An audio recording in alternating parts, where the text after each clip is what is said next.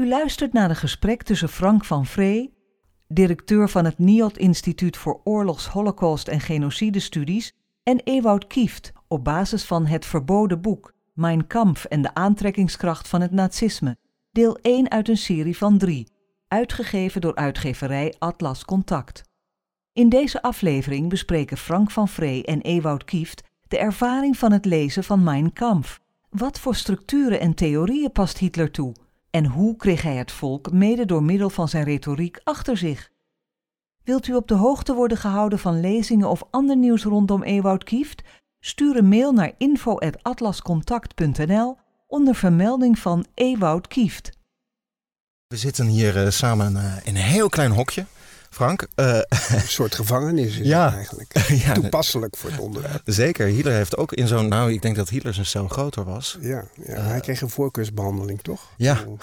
ja. En hij, hij, kreeg allemaal lekkernijen en flessen drank. En toen dronk hij nog. Ja. Maar om bij het punt te beginnen. In mijn boek schrijf ik in het begin... Mijn kamp, iedereen heeft er een mening over... maar bijna niemand heeft het gelezen. En nou, jij wel, als, als befaamd historicus. En wat ik ook de hele tijd als vraag krijg van hoe was dat nou om het te lezen van A tot Z helemaal? Hoe, hoe is het jou bevallen? Nou, ik ben het, ik, ik was er eigenlijk, ik ben al heel lang met, eh, met de Tweede Wereldoorlog, de opkomst van het nazisme. Een proefschrift ging daarover in de jaren tachtig. En ik had altijd wel stukjes gelezen, uh, hè, specifieke passages. Maar het boek eigenlijk nooit helemaal gelezen. En een jaar of zes, zeven geleden toen had ik een, uh, een uh, onderzoeksverlof en toen dacht ik, ik moet het nu maar eens een keer helemaal gaan lezen. En ik heb het gedownload van internet.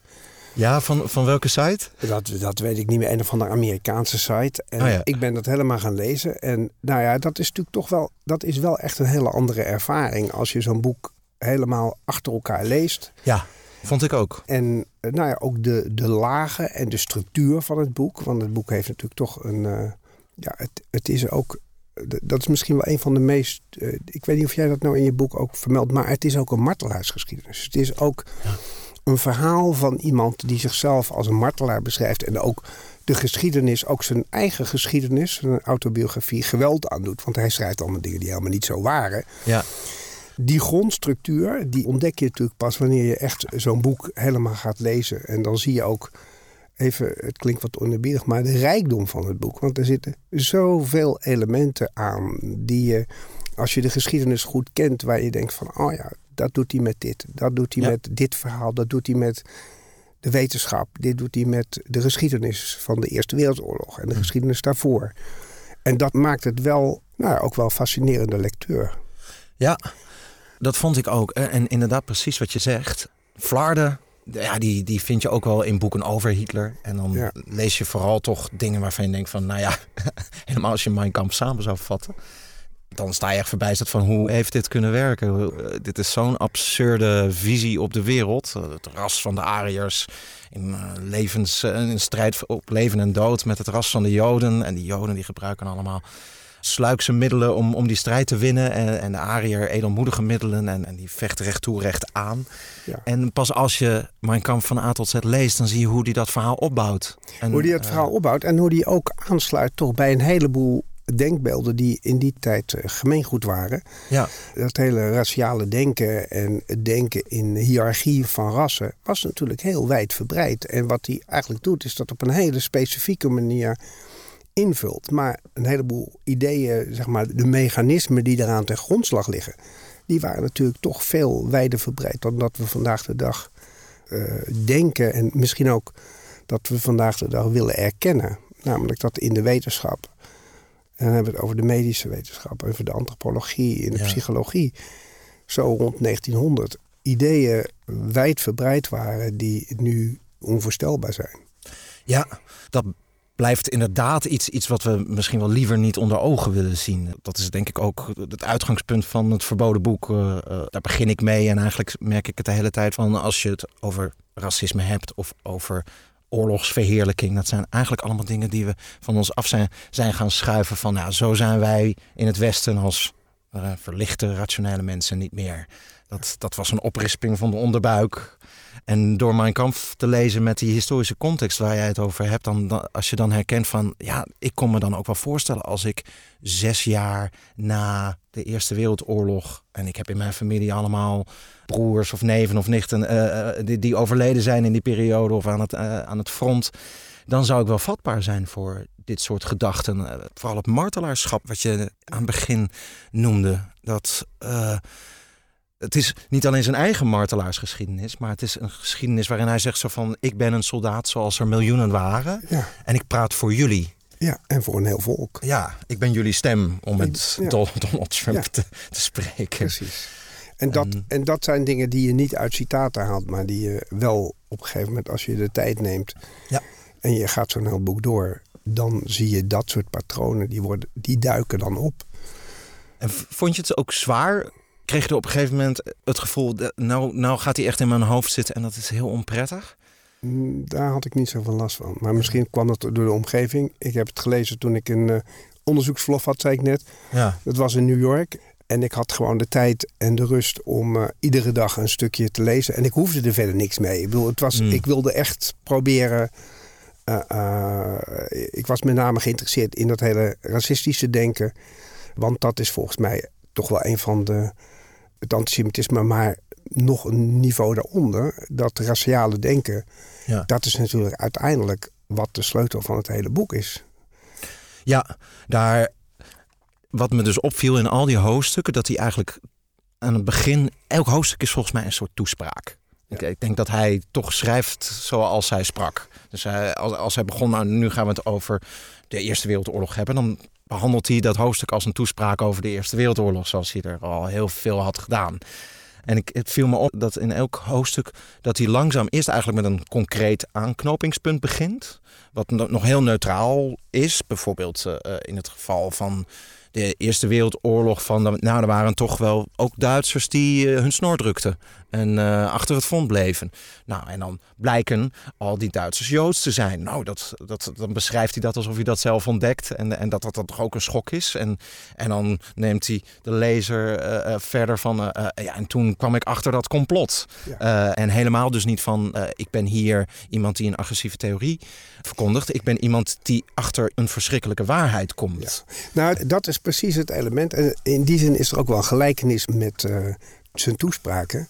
Ja. Want als wij, wat we eigenlijk, wat al 60, 70 jaar gebeurt in de visuele weergave van de persoon Hitler, dan zien we altijd een stukje van die toespraken, namelijk het einde.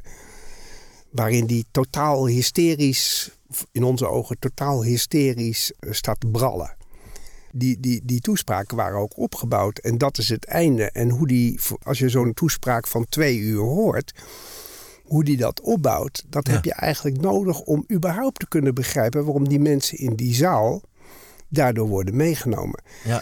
En wat we eigenlijk historisch hebben gedaan door zeg maar alleen maar die totale gek te laten zien, ja. wordt het onbegrijpelijk dat mensen daar achteraan liepen. Ja, het wordt een karikatuur. Het wordt een karikatuur. En in die zin is dat dus een vorm van, ja, ook geschiedvervalsing en zelfs de geschiedenis wordt er onbegrijpelijk door. Ja.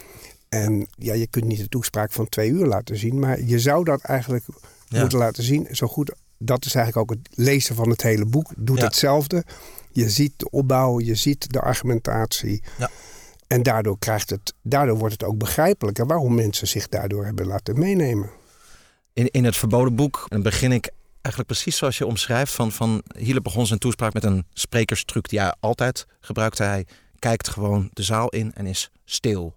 En er is een soort verwachtingsvol zwijgen. En iedereen denkt van oké, wat gaat er nu gebeuren? En dan gaat hij heel langzaam praten. En heel zachtjes. Echt, echt, en ik heb inderdaad ook op film gezien hoe hij dat doet. Dat is, dan trekt hij echt het publiek bijna naar zich toe. Hij maakt de ruimte kleiner. Uh, iedereen gaat dan toch wat voor overleunen. En dan heeft hij ook een totaal andere stem. Heeft hij een hele diepe, precies. Uh, zware, best wel een mooie vertelstem. En, en dan is het bijna een soort cadans. Dan komt er een soort versnelling. En dan, en dan wordt het groter en hoger. Ja. Dat is een Wagner-opera ja. eigenlijk. Ja. Nou, dat is precies wat ik bedoel. En dat, om, om dus zicht te krijgen op wat hij met zijn lezers of met zijn publiek deed, moet je dat eigenlijk helemaal kunnen zien en helemaal moeten lezen om dat te begrijpen. Ja, ja een fragmentje van uh, 10 seconden waarin een, uh, een gek staat te tieren. Ja. Zou Erdogan, want wij zien bijvoorbeeld van Erdogan ook alleen maar dat soort toespraak. Zou die zijn toespraak ook heel rustig beginnen? Dat nou, dat vraag weet ik nu niet. ineens maar, af. Maar we, eh, eh, we zien het. eh, ik, ik vond dat hetzelfde gebeurde bij Trump. Ja. als je een toespraak van Trump ziet en je ziet wat langer dan alleen maar die drie seconden die dan, of die tien seconden die dan op het journaal komt, of die dan Ja. op YouTube wordt gezet, of op. zie je eigenlijk wel dezelfde techniek. Dat die ook. Het is een onderdeel van een toespraak. En dan zie je ook de, alleen de meest heftige momenten worden uitgelegd. En daardoor wordt ook onbegrijpelijk waarom die mensen zich daardoor laten Ja. meenemen. Ja, klopt. Ja. Wat, wat, ik bedacht me dat pas later in die campagne. Dat ik dacht van, eh, maar al Trump's ideeën over economie. Nou, die zijn, die zijn eigenlijk best wel zinnig. Als je in een achtergesteld gebied in Amerika leeft. en je hebt alle industrie weg zien gaan eh, naar China. Dan, dan hoor je, ja, dat, dat, is, dat is echt niet achterlijk. Dat is, eh, hij snapte heel goed wat daar de onvrede was. En dat vond ik toch ook wel weer inhoudelijk met, met eigenlijk Hitler. eh, schrijft in Mein Kampf ook al over globalisering. Ja. En de internationale economie die het land ontwricht. En aan de andere kant was hij daardoor ook natuurlijk wel weer getriggerd. Want hij was ook wel weer... Het is een prachtig boek van, eh, van een Amerikaanse... Victoria de ze. Ja. Die een boek schrijft over dat Hitler ook enorm was aangetrokken door Amerika. En het idee van auto's en de moderne... Dat hij daar ook een voorbeeld aan nam. Maar dat was net zo ambivalent. Ja, maar eh, ik denk dat de kern ervan ook is dat, dat ook al be- begin je een beweging tegen de ontwrichtende effecten van de globalisering van de economie, betekent nog niet dat je helemaal weer terug wil Nee. naar 100 jaar terug eh, En, en, en op een huifkar wil rondrijden. Dat is vaak al een beetje ook als een karikatuur neergezet, zo van eh, nazisme is reactionair en dan heb je modern Precies. en dat is progressief en dat heeft dus Ja. ook en, en dat is ook een beetje misschien de marxistische eh, eh, visie geweest in, Ja. in de wetenschap heel erg. Van je hebt progressiviteit en je hebt reactionair. En nou, nazisme hoort bij de tweede en wij bij de eerste. Ja. En, dan heb je de geschiedenis ook weer mooi eh, in, eh, in, in overzichtelijke delen gesplitst en eh, eh, orde gescha- geschapen in de chaos. Maar dat vind ik wel. eh, dat vind ik wel interessant. We noemen nu net ook al even losjes eh, Trump en Erdogan Ja. in dit gesprek. En heel veel mensen, als het over Hitler gaat, of, of andersom, als het over politiek gaat, dan wordt er natuurlijk ook eindeloos vaak eh, heel losjes weer verwezen naar, naar eh, de jaren 30 en de jaren 20. En eh, precies zoals Hitler deed, nou, na de coup in Turkije. Heel veel vrienden van mij begonnen over de Rijksdagband. En tegelijkertijd weet je dat op een onderdachte manier doet, of misschien zelfs wel op een soort beschuldigende manier. Van, van ja, we hebben, ik heb niks met Wilders, dus. eh, eh, en ik zie wel wat parallellen met de NSB. Dus eh, de, de PVV lijkt op de NSB en daarmee heb je ze weggezet. Andersom doet Wilders het net zo hard, of misschien nog wel harder, door Ja. islam constant fascistisch te noemen. En een ideologie te noemen. En, En geen religie. Ja. Ook een hele belangrijke, dat, dat schrijf ik in mijn laatste hoofdstuk Ja, van het verboden boek. Dat vond ik wel een heftige vergelijking, maar ik vond hem heel belangrijk. Dat Hitler inderdaad het Jodendom eh, ontkent dat dat een religie is. Ja.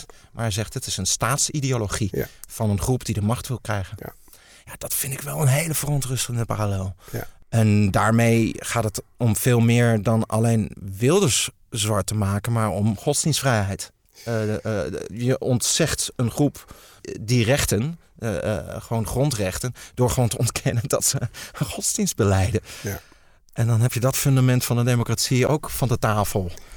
Nou ja, kijk, je begon net van eh, die historische vergelijking. En die historische vergelijking is natuurlijk is altijd levensgevaarlijk, omdat de geschiedenis zich nooit herhaalt. Ja. Eh, eh, maar wat. En ik denk dat de historische omstandigheden zijn volstrekt verschillend. Eh, Zeker. Trump of eh, zelfs in Turkije. Het is een totaal andere situatie. Alleen al Even- door de Eerste Wereldoorlog. eh, Door de Eerste Wereldoorlog, maar ook wat veel mensen vergeten, of wat ook een beetje verdwenen is, dat in Duitsland natuurlijk in de jaren, eh, vanaf eind jaren 20 tot aan eh, 1933, zeg maar, totdat Hitler aan de macht komt in januari 33, dat er een, bijna een burgeroorlog was. Ja. Er was. Er vielen iedere dag vielen er doden. Er waren dagen dat er in Berlijn geknokt werd tussen nazi's en communisten. Ja. Want die waren, gingen vooral de straat. Het was echt een gevecht om de macht op straat. Ja. Uh, demonstraties waar doden vielen. Dat, Meer dan 200 politieke moorden in de eerste vier jaar van de Weimar Republiek. Precies. Dus eh, de, ja, ministers doodgeschoten. Exact. Dus die, die, wat je in Italië natuurlijk na de Eerste Wereldoorlog ook hebt... wanneer Mussolini aan de macht komt... Het is een, een, een, halve staat van burgeroorlog. Ja. En dat is ook de context waarin de, opkomst van het nazisme en ook van het fascisme tien jaar eerder moet worden verklaard. Als je al dat soort dingen weglaat, dan, dan wordt het ook, ja, dan maak je het niet helder op. Dus nee. dat, dat, is één ding. Dus in die zin is het maken Dus geweld eigenlijk. Uh, het grote verschil tussen, tussen toen en nu. Dat die hele samenleving, die eigenlijk al uit het geweld van de Eerste Wereldoorlog exact. kwam.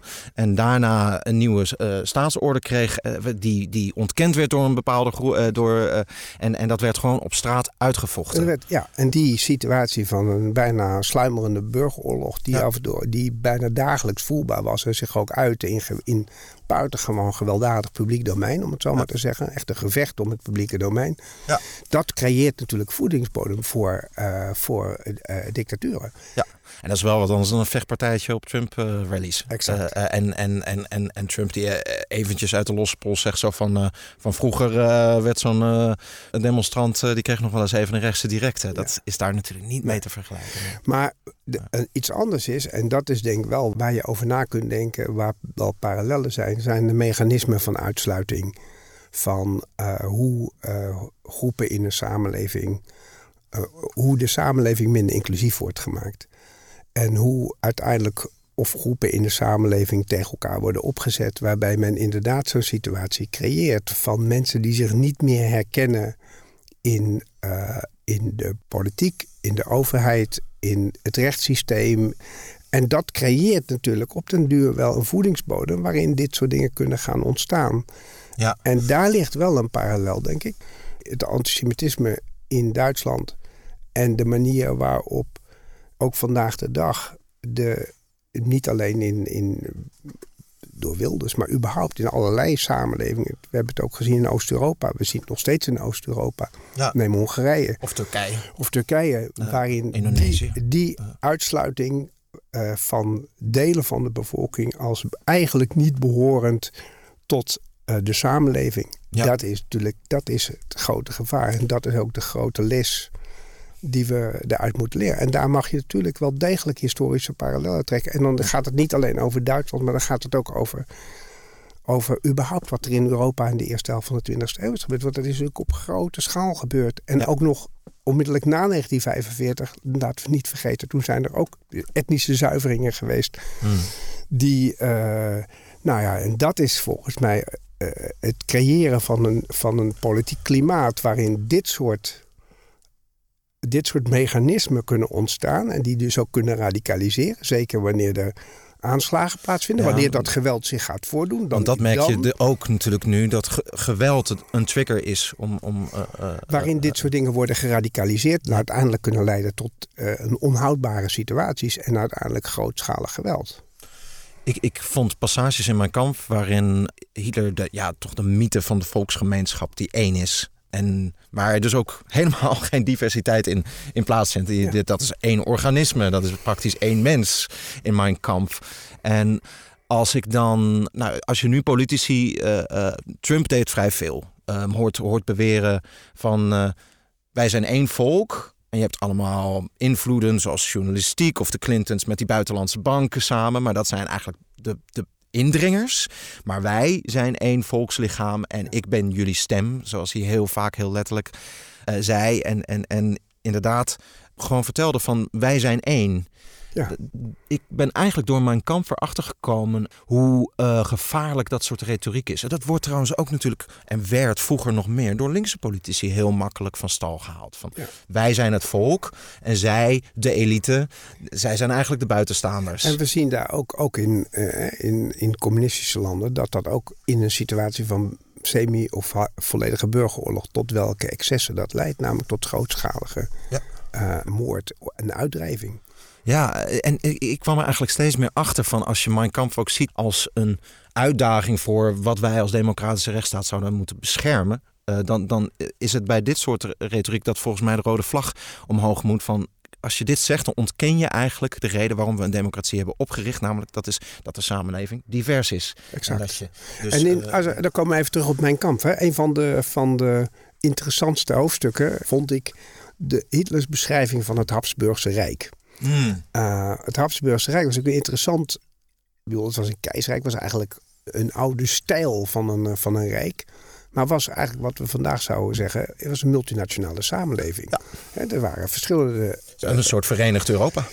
Ja, en, en Hitler gaat daar dus heel erg tegen tekeer. Het is, eh, en dat vond ik wel fascinerend om te lezen. Als je vandaag de dag verhalen leest over Europa dan vind je daar wel heel veel parallellen. Dezelfde argumenten die werden gebruikt tegen het, het Habsburgse Rijk en tegen de keizer, die leider was, keizer was van de multinationale keizerrijk.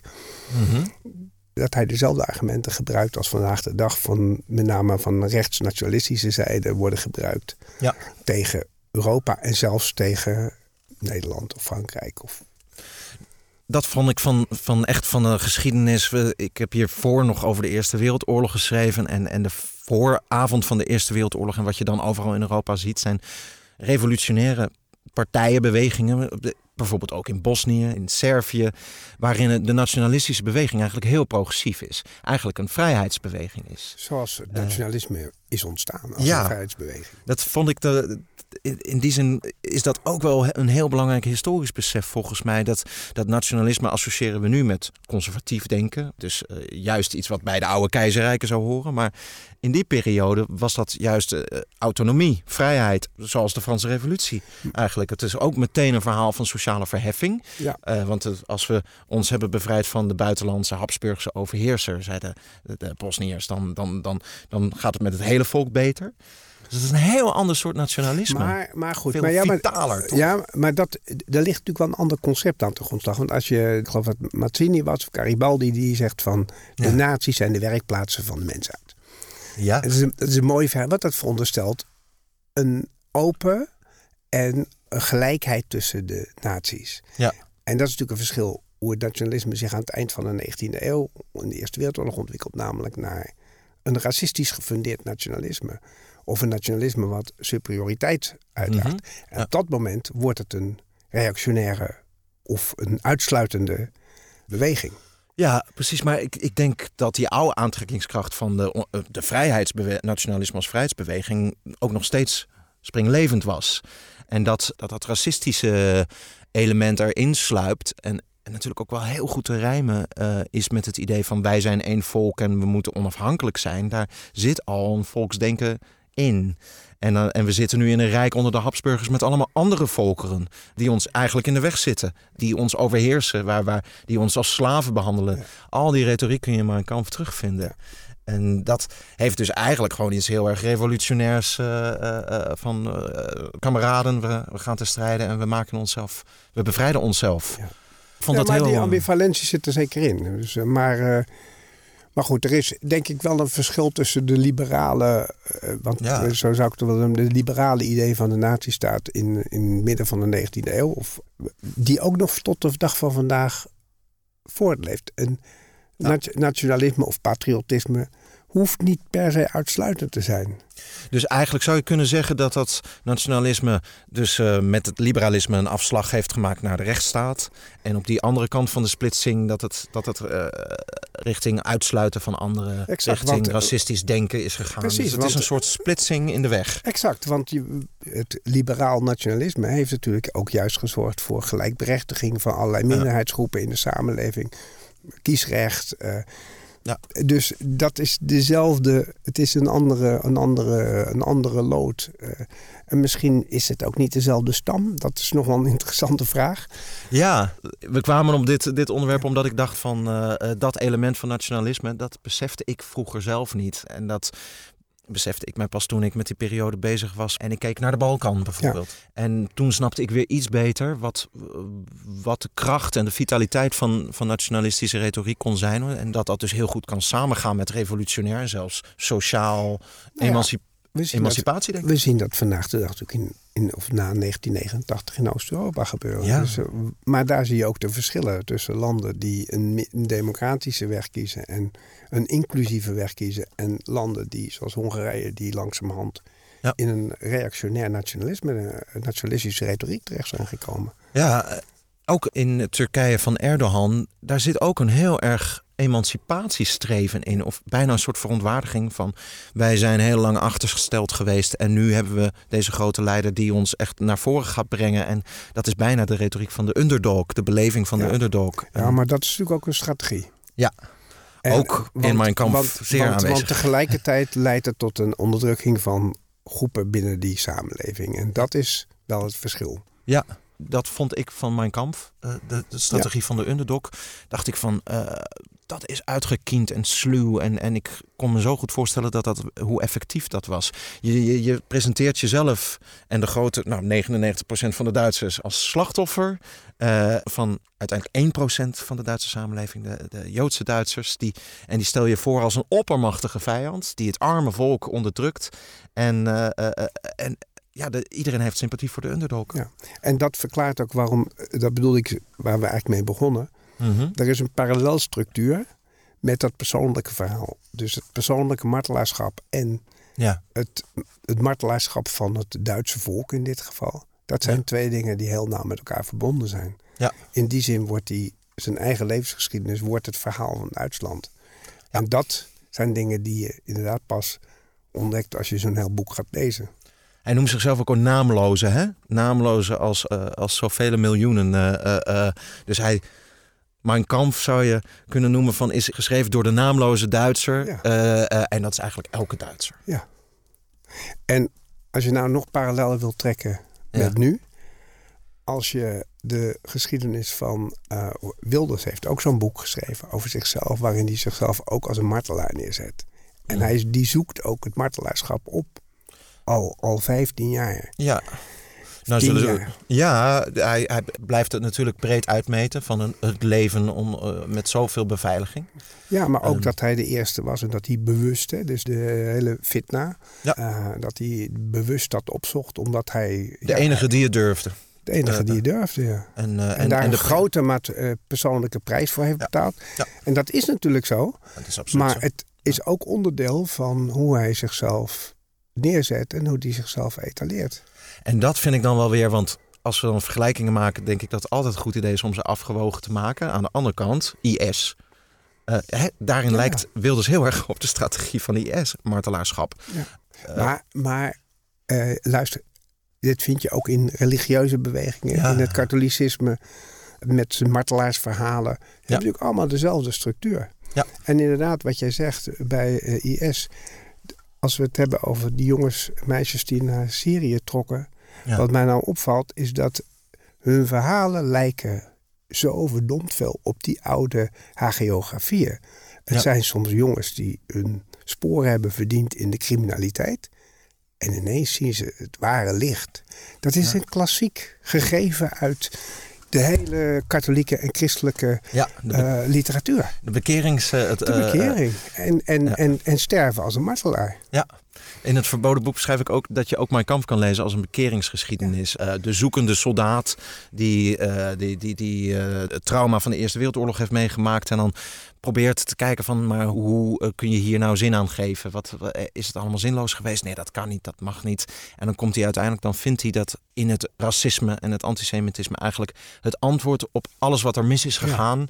En op dat moment, hij beschrijft het ook echt als een zoektocht. Eh, eh, waar hij zich ook nog even tegen verzette. Waar hij ook wat moeite had om zich eraan aan, aan over te geven. En toen hij eenmaal het antwoord had gevonden.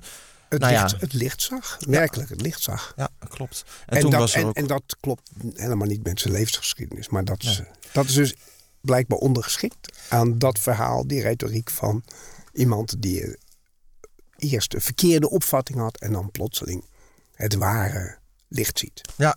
ja, bekeerlingen die hebben eigenlijk van nature al de neiging om hun eigen persoonlijke geschiedenis te herschrijven. naar dat beslissende moment. Ja. En zo blijft toch. eh, eh, hoe je met geschiedenis omgaat, hoe Hitler met zijn eigen geschiedenis omgaat, hoe we, wij nu met het nazi-verleden omgaan, Het is eigenlijk ook in de zorgvuldigheid waarmee je dat doet, daar blijft toch de kern zitten volgens mij. Ja, terug naar de bronnen. Terug naar de bronnen. U heeft geluisterd naar een lezing van Ewout Kieft op basis van zijn boek Het Verboden Boek, Mein Kampf en de aantrekkingskracht van het nazisme. Luister verder naar de volgende aflevering, waarin Ewout Kieft samen met historicus Maarten van Rossum terugblikt op het verleden en zich richt op het heden. Wat zijn de parallellen tussen het populisme van toen en nu? Hoe zinvol zijn vergelijkingen met het nazisme? En wat is een goed weerwoord tegen het oprukkende populisme?